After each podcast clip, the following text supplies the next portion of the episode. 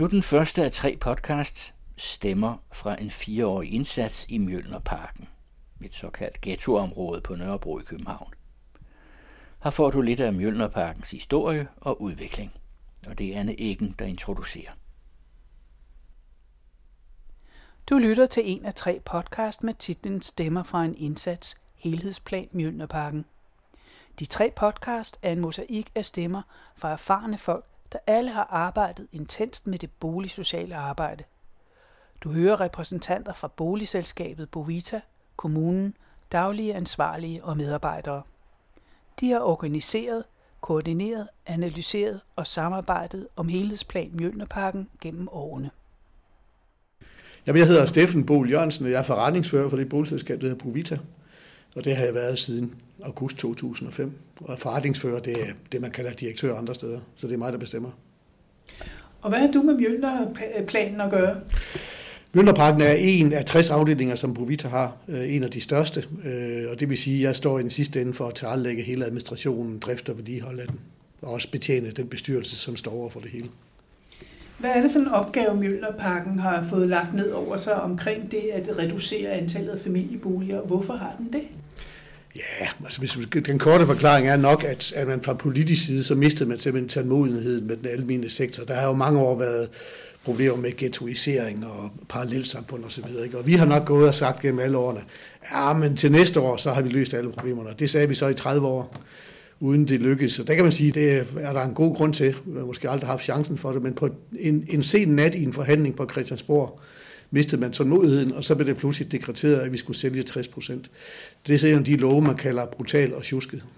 Hvorfor er den tjusket? Fordi den er ikke gennemtænkt. Altså, det er helt tilfældigt, at det overhovedet kan lade sig gøre at gennemføre den, fordi vi i forvejen havde planlagt en fysisk renovering, så vi har genhusningen på plads, ellers det ikke kunne lade sig gøre.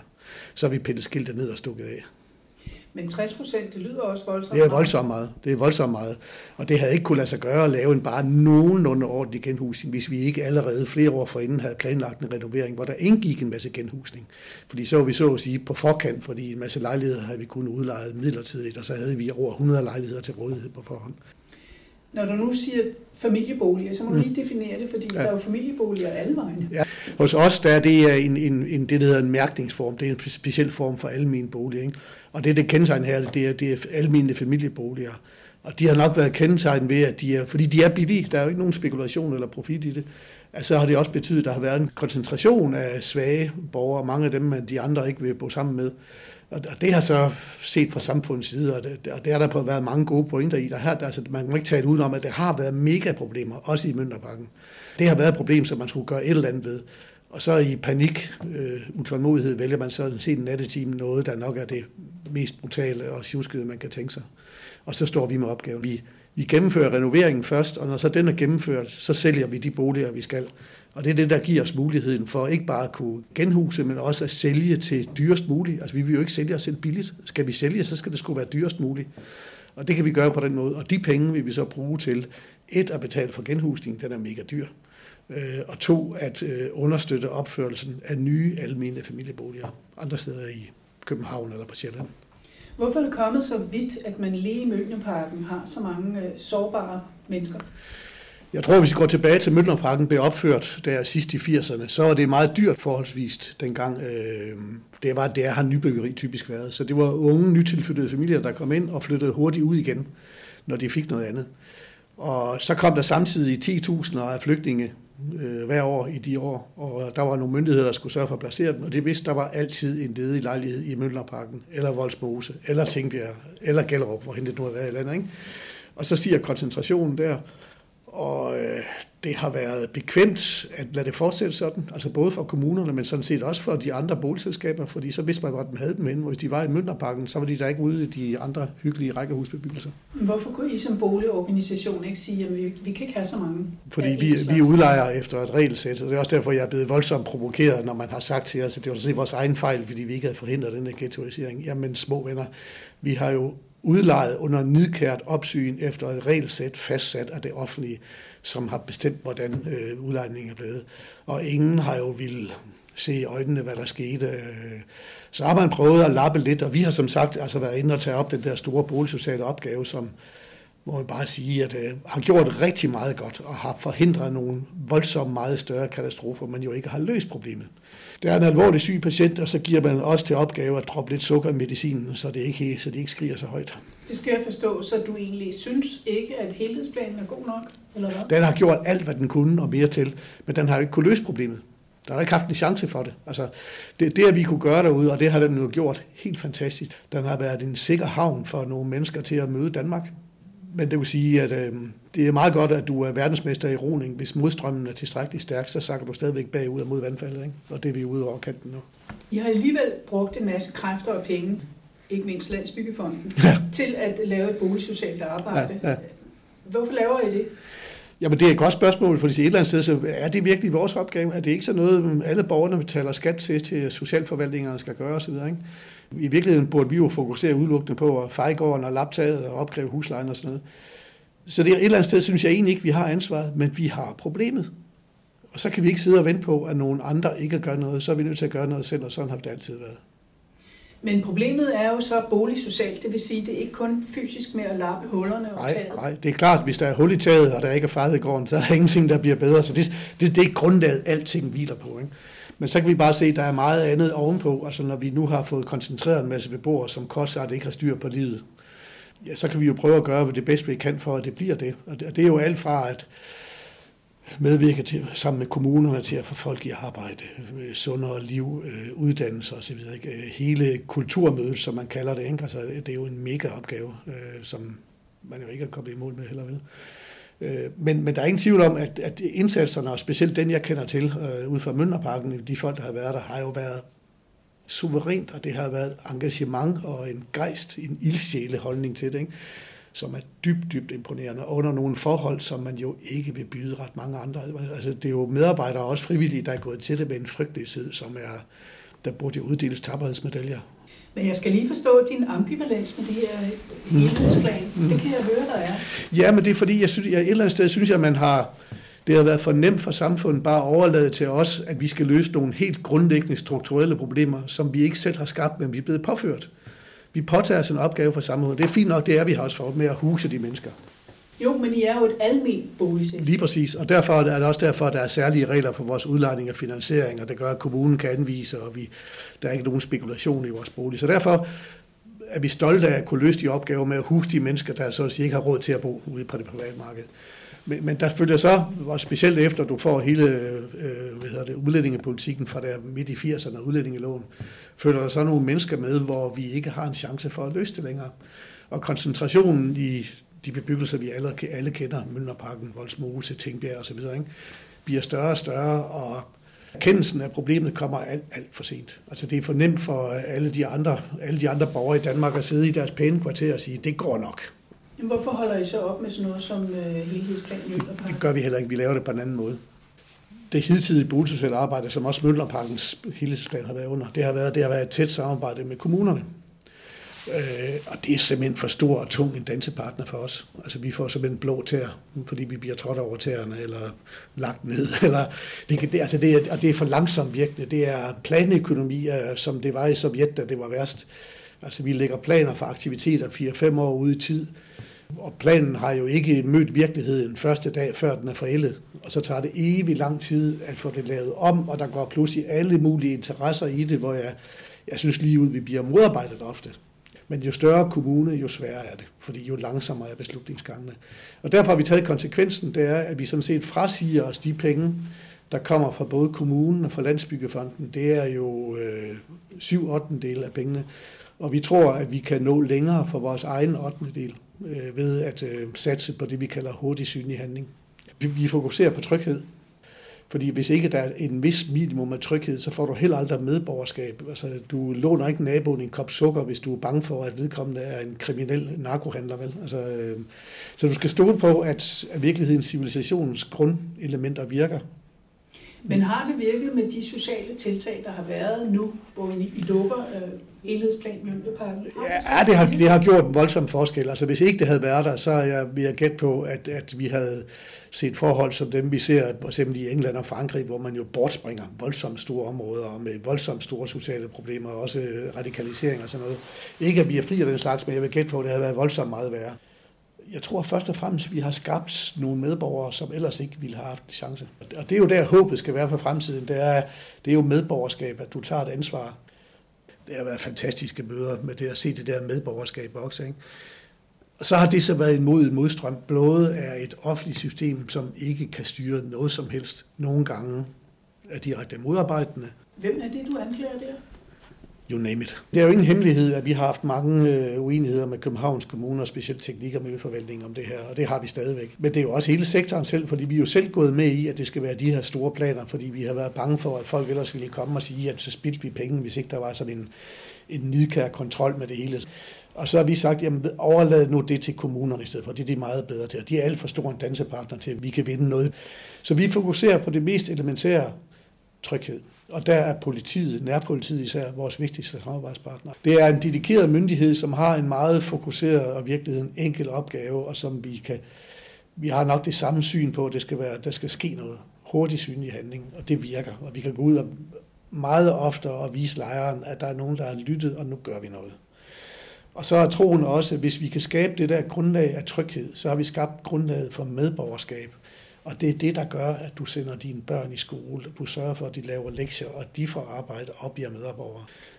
Vi har ikke hjulpet flere ved at fortsætte med de indsatser, som vi har gjort det hidtil. Vi har lært noget, som vi går videre med, og der er jo at sige, øh, Grete, fra, som er den seneste leder derude, går jo nu videre i en indsats, hvor man også kan spørge, om det er vores opgave. Nej, det er det ikke, men vi har problemet. Vi har også kommet frem til, ved siden med trygheden, skal du finde et andet emne, som har alt afgørende grundlæggende betydning, så er det, at du har 9. klasses eksamen.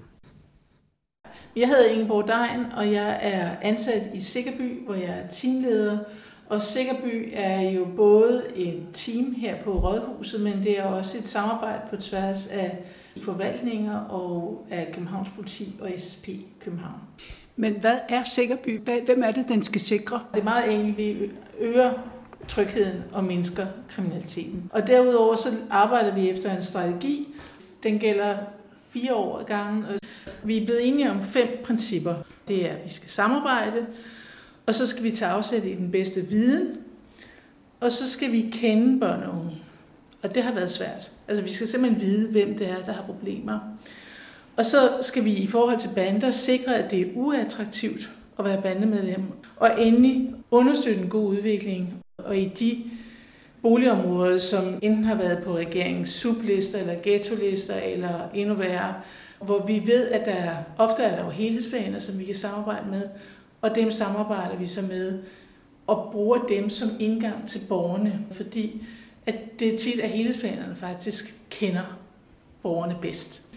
Vi samarbejder med, øh, med hinanden for det første, men så samarbejder vi jo også eksternt. Hvis jeg sådan skulle nævne de største samarbejdspartnere, så vil det være Københavns Politi og SSP, men så vil det også være boligorganisationerne her i København. Øh, og det kan være forskellige erhvervsdrivende. Og vi samarbejder jo også med nationale videnskilder eller forskere, eller, og endda så har vi også samarbejdet uden for, for Danmark. Og så har vi desuden også samarbejder, som ikke har bevillinger knyttet til sig, men som bare handler om at mødes og tale om ting, som man er enige om er interessant i forhold til tryghed og kriminalitetsforebyggelse. Men der må jo ligge en analyse til grund for, at man synes, der skal være en sikker by, ikke? Jo. Den kom egentlig allerede i 8, hvor der blev lavet en stor undersøgelse på tværs af København. Den viste, at vi i København var for dårlige til faktisk at samarbejde. Vi havde for dårligt overblik over de indsatser, der var blevet sat i værk for at, at give en sikker by. Og det, som, som sikker by er, det er, at vi er også vejen ind til kommunen. Og vi har i København to udsatte, særligt udsatte boligområder, som, som blev så til det, der hed hård ghetto. Og det vil sige, at så skulle der laves en udviklingsplan. Mølleparken var den ene af dem, Tingbjerg den anden. I Mølleparken har man gjort det på den måde, at man frasælger. Det vil sige, at så gør du det udsatte område mindre, så tager man noget af problemet væk. Men det er jo fordi rekrutteringen bliver anderledes. Ja. Hvem det er, der kommer ja, til at gå. Det, det er klart, at hvis du har nogle relativt nye, nystandsatte boliger med en højere kvadratmeterpris, så tiltrækker du nogle andre socialgrupper. Men der bliver jo stadigvæk nogen tilbage, som har brug for kommunen, om man så må sige.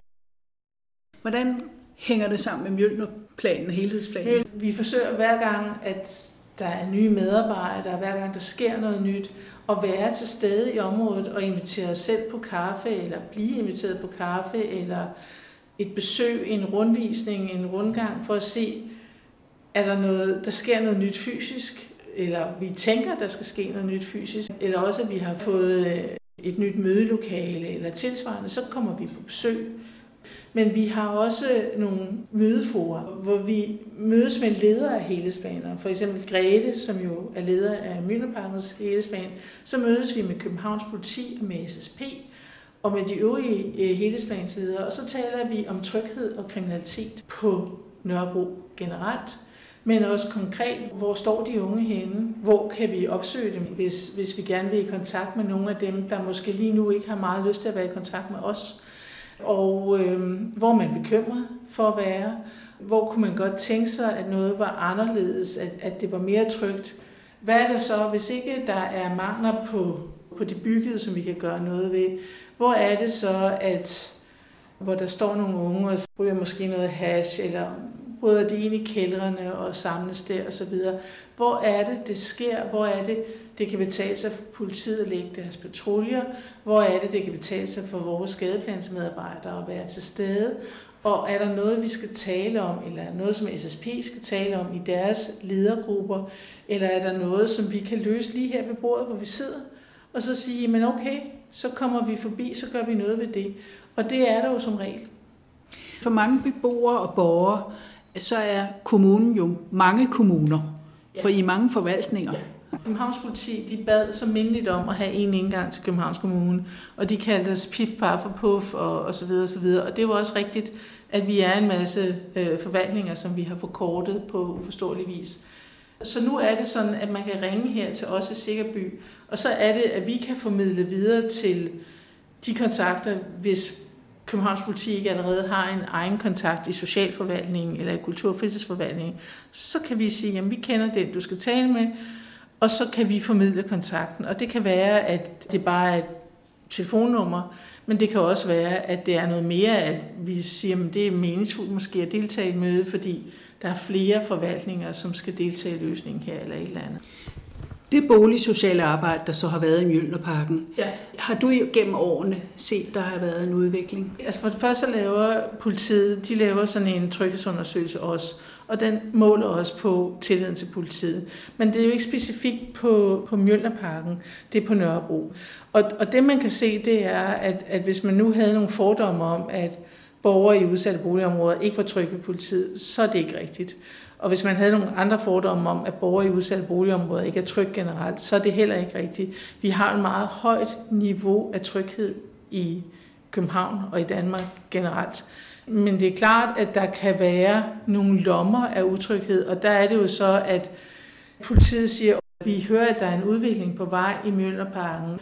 Der, der skal være en byggeproces, hvor man ligesom gennemgår selve byggepladsen og siger, er der lys nok, er portene sikret, øh, kan man komme ind og stjæle her? Øh, kan man klatre på ting? Kan man skaffe sig adgang til lejlighederne osv. osv.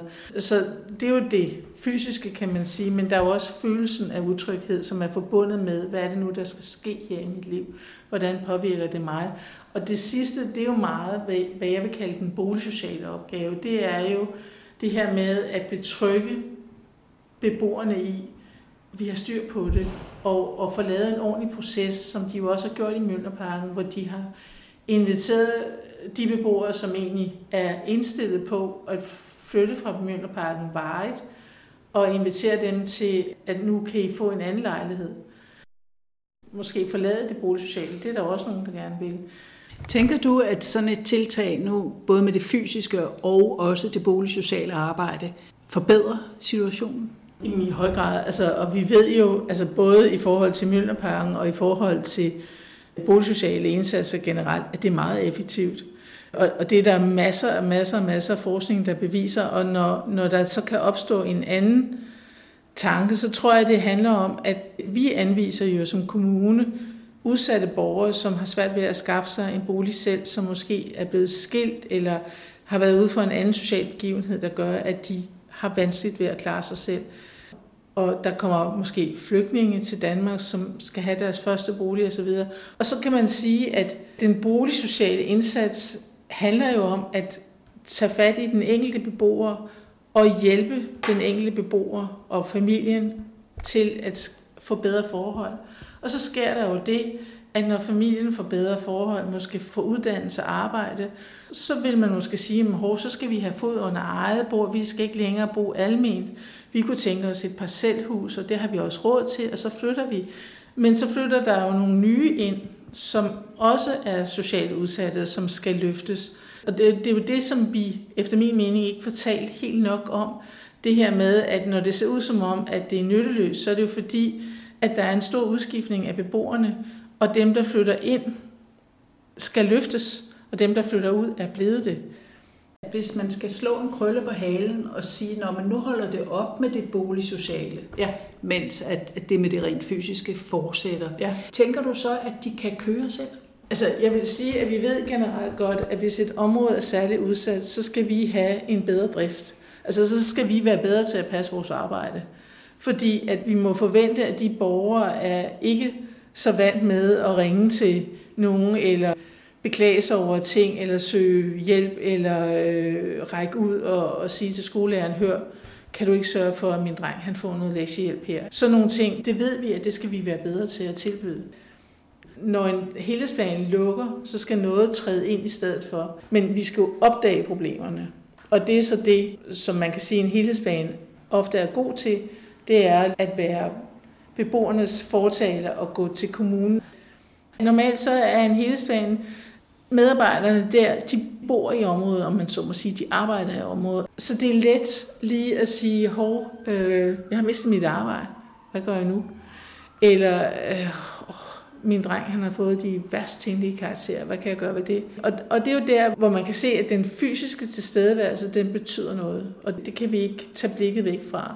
Kommunen sidder jo centralt, og vi er daginstitutioner, og vi har klubber, vi har meget i sådan et område, men vi har ikke sådan et kontor, som der nu er i Møllerparken. Det har vi ikke. Har I tænkt over, at I skal netop sige til jeres medarbejdere, at nu er det lukket, og I skal være mere opmærksomme? Altså, det, det vil jeg sige, at, at den besked er jo allerede gået ud, fordi at det er jo flere år siden, at vi fik at vide, at Bovita ikke vil søge en ny helhedsplan, selvom de opfylder de kriterier, som Landsbyggefonden nu har for at give den. Og selvom vi så også som kommune vil støtte med, med det, som vi nu giver til en helhedsplan osv. Min forståelse er, at det er i forhold til udsatte borgere vigtigt at være tæt på. Altså jeg vil sige, at jeg er fortrøstningsfuld men også at, at helhedsplaner kan noget, som ingen andre kan. Men som jeg siger, så skal vi være klar til en forstærket drift. Jeg hedder Jan Høttel, og jeg er formand for Bovita. Bovita er en øh, boligorganisation med ca. 6.000 boliger, næsten alle sammen i København. Jeg er valgt af alle boligorganisationernes repræsentanter, som har en, to eller tre, afhængig af afdelingens størrelse i vores repræsentantskab, og hver andet år er jeg på valg, og der bliver jeg så valgt som formand. Det har jeg været i 11 år nu. Jeg gætter på, at jeg har været med i det her game i 15-18 år eller noget i den retning. Så har du også øh, haft tæt kontakt med de boligområder og boligafdelinger, som har haft problemer, og hvor man har udråbt dem til at være ghettoer. Og en af dem er Mjølnerparken. Ja, det har jeg. Det er jo først på det sidste, man har udråbt dem til at være ghettoer, men før det havde vi jo øh, en boligsocial indsats i en række områder. Nogle af dem havde vi sådan punktvise boligsociale indsatser. Andre, og det er jo de største og de mest øh, belastede, hvis jeg må bruge det ord, der havde vi det, der hedder en boligsocial helhedsplan, og alt det, der havde med det at gøre, var samlet i et boligsocialt udvalg, som vi har haft i Bovita i overvis, for at sige det lige ud. Og der har jeg været formand i en årrække. Hvordan vil du karakterisere Mjølnerparken? Ja, Mjølnerparken har jo været et, et problemområde i overvis. Øh, jeg har i hvert fald beskæftiget mig med Mjølnerparken i en boligsocial helhedsplan i, jeg tror, 15 eller 16 år er vi måske oppe på nu. Og det betyder, at der har været en række, for de løber jo i overmål, øh, en række boligsociale helhedsplaner med lidt forskellige indhold. Og øh, det har taget rigtig, rigtig mange kræfter at komme igennem med en ordentlig indsats herude. Men hvad har din og jeres rolle været, når I sidder mere centralt og så kigger på det, der sker i Mjølnerparken? Der er jo den sidste fire år i helhedsplan, som nu slutter. Altså i udvalget, jeg som formand har jo haft den rolle, at jeg har haft det overordnede og mere generelle syn på det, om jeg så må sige. Øh, det hører altså også sammen med, at vi har skulle bevilge de penge, som Bovita, altså boligorganisationen, har skudt i det her projekt. Og det er jo faktisk ikke småpenge. Men jeg har fulgt med, og jeg har fulgt tæt med, og jeg har også været meget langt ned i detaljerne. Hvad er det for nogle detaljer, du for eksempel så kan hæfte dig ved her i Møllerparken?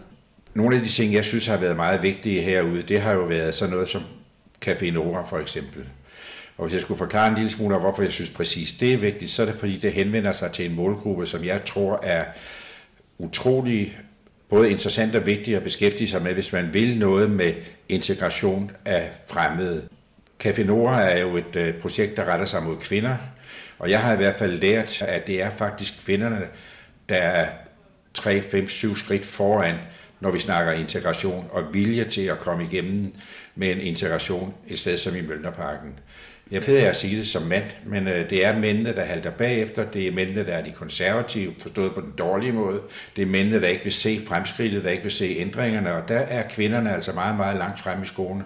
Så det er der, vi har sat til rigtig, rigtig mange kræfter. Et andet projekt, jeg gerne vil nævne, det er jo det øh, projekt, vi har haft omkring øh, frivillighed, frivillig, øh, øh altså et lommepengeprojekt, som vi har kaldt det, som egentlig mest retter sig mod det retter sig også mod kvinder, men der har været rigtig mange drenge i det her. Og de har jo lært gennem det projekt, hvad jeg synes er fantastisk vigtigt. De har lært, at intet kommer af intet. Der skal gøres en indsats, og på den måde har de nok lært, at når man gør den indsats, og hvis man vil tjene noget på det, jamen så skal man komme til de tider, man har aftalt, og man skal udføre det arbejde, man, er, man har aftalt, man skal gøre. Når nu, at du har siddet i ligesom orkanens øje i beboerdemokratiet, hvad er det så for nogle problemer, du har set herude i Mjølnerparken? Det er jo et meget, meget, meget bredt spektrum af problemer. Der er rigtig, rigtig mange arbejdsløse i øh, Mjølnerparken. Mølnerparken. Det går lidt op og ned naturligvis. Men jeg er ked af at sige, at jeg oplever jo også lidt en modvilje mod at tage et job, fordi mange desværre, tror jeg, er kommet hertil med den forestilling om, at øh, når man bare kommer til Danmark, så bliver man forsørget på den ene eller den anden måde. Jeg jo oplever det som et enormt problem, at man fra mange myndigheders side har klientgjort beboerne i Mønderparken. Selvom der er tilbudt sprogkurser til langt, langt, langt de fleste, så er der jo mange, der bor i Mønderparken, som har boet her i både 20, 25 og 30 år, som stadigvæk taler enten slet ikke dansk, eller et lad mig sige det lige ud, elendigt dansk. Dansk er altså forudsætningen for at kunne være integreret i Danmark. Er Bovita blevet træt af de der sociale helhedsplaner? Ja, det kan man godt sige. Jeg er i hvert fald. Det kan jeg da gerne indrømme. Og det er jo, fordi jeg synes ikke, vi er kommet i mål med det, der var vores formål med de boligsociale helhedsplaner. Det er der rigtig mange grunde til. Og derfor skal vi selvfølgelig ikke bare blive ved med at gøre mere af det samme. Vi skal gøre noget andet så, som forhåbentlig kan bringe os i mål på en eller anden måde. Altså da parallelsamfundsloven, da den trådte i kraft 1. december 2018, der var Mjølnerparken jo født som en hård ghetto. Og hvorfor er den det? Jamen det er fordi uddannelsesniveauet er lavt, gennemsnitsindkomsten er lav, dem der er i arbejde er lav, og så er der rigtig mange anden, anden etniske. Det er jo ligesom de, de øh, kriterier, der er stillet op for at være en ghetto. Det har ikke lykkedes at vriste dem fri af det, og nu står vi altså i en situation, hvor Mjølnerparken er en hård ghetto, og hvor vi desværre jo har en bunden opgave i at følge den lov, som 80% af Folketinget har vedtaget, nemlig at vi så skal nedbringe antallet af familieboliger i Mjølnerparken med omkring 60%. Og det er jo en forfærdelig situation i virkeligheden for dem, det går ud over. Men det er jo også en god situation forstået på den måde, at det måske kan ændre beboersammensætningen herude, sådan så man får flere ind, der har mange ressourcer, sådan så man får en anden slags mennesker ind, som man måske for dem, der bliver boende, kan spejle sig i og opleve, at vi faktisk er i gang med i Mønterparken at lave et rigtig, rigtig godt projekt. Derfor har vi jo gjort et stort nummer ud af, for det første, at det er frivillige flytninger. Vi tilbyder folk faktisk en rigtig god flyttehjælp, en rigtig god håndholdt indsats, når de flytter, og vi bringer dem ud i en anden afdeling, der ikke har Mjølnerparkens problemer, der ikke har Mjølnerparkens beboersammensætning, der ser helt anderledes ud, end den de kommer fra. Du er lidt negativ over for den, at den ikke Nej, det synes jeg ikke, jeg er. Jeg synes, den har virket godt. Jeg har nævnt to meget væsentlige øh, områder, hvor, hvor jeg synes, det er lykkedes rigtig godt. Men jeg synes bare også, at når man ser på, øh, hvor mange penge de helhedsplaner har kostet, vi taler jo om store tocifrede millionbeløb, så øh, burde vi være noget længere på den lange årrække, vi har været i gang med det. Og der er det bare, at sådan en som mig Jeg kigger på, hvad koster det? Hvad er det, vi laver? Virker det? Og jo, det virker, men det virker ikke godt nok. Og det er præcis derfor, vi nu har lavet en anden øh, boligsocial indsats, hvor vi mere går i retning af, at vi har sådan et udrykningshold, vi kalder det ovenikøbet beredskabet, som kan gå ud og sige, jamen nu er der et problem derude, vi analyserer os frem til, hvilken metode vi skal bruge for at løse det, og så løser vi det nu og her. Boligsociale indsatser, det er jo en balancegang, når man er et boligselskab. Og det er en balancegang, fordi mange af de problemer, der skal løses, det i virkeligheden måske nok er en kommunal opgave. Det er en opgave, der skulle løses af socialforvaltningen, af beskæftigelses- og integrationsforvaltningen i stor udstrækning. Den skulle løses for skattepenge, fordi det er jo et samfundsproblem, men den bliver jo løst for en stor del af huslejepenge. De 12,5 procent, det kan være se, det er jo Bovita, de kommer fra huslejekroner i Bovita. De 75 procent, som Landsbyggefonden spæder til med, hvor kommer de fra? Det er jo også huslejepenge. Det er beboerne i de almene boliger over hele landet, der skyder ind i Landsbyggefonden hver dag med en procentdel af deres leje. Men alligevel er det kommunens teknik- og miljøforvaltning, der faktisk sidder på en bestemmende post, som jo aldrig ville være bestemmende, hvis det havde været et privat selskab for eksempel. Det er også en konstruktion, der er meget svær at arbejde med, fordi jeg kan uden at røbe nogen hemmelighed, hvis godt sige, at sagsbehandlingstiden i kommunen er ikke øh, særlig hurtig. Og det vil sige, at når vi står med et problem, som vi synes er akut, så kan det tage både uger, måneder, samtidig halve år, og få taget en beslutning om det. Og i Bovita har vi altså bare det motto, at øh, hurtig synlig handling, det er det eneste, der tæller. Og det betyder altså, at vi skal være parat til at møde en udfordring med et svar inden for nogle gange timer, dage, i hvert fald ikke meget mere end nogle få uger. Og det er præcis det, i det redskab, vi vil bruge til den kommende udflytning og forandring, der skal yes. ske her. Yes, det er det. Og det er, fordi vi selv styrer det. De tre podcasts i serien er produceret af den anden radio for det boligsociale arbejde Helhedsplan Mønlerparken, der er ejet af det almene boligselskab Bo Vita. Bo Vita har 5.500 boliger over hele København. 40 procent af de almene boliger i Møllnerparken skal nedbringes. Det er en politisk beslutning, der skal skabe en mere blandet beboersammensætning. Bovita har frasolgt to af fire karrierer til NREP ejendomsselskabet, og Industriens Pension er medinvestor. Blandt en gruppe beboere er der stor utilfredshed med salget og den omfattende fysiske omdannelse og udflytning af boligområdet. De har derfor lagt sag an mod Indenrigs- og Boligministeriet, der har ansvaret for beslutningen om renoveringer og udflytninger. Beboerne mener, at de er blevet diskrimineret i beslutningen. I mødte forretningsfører Steffen Bol Jørgensen, formand for organisationsbestyrelsen Jan Hyttel og Ingeborg Dein fra Sikkerby i Københavns Kommune.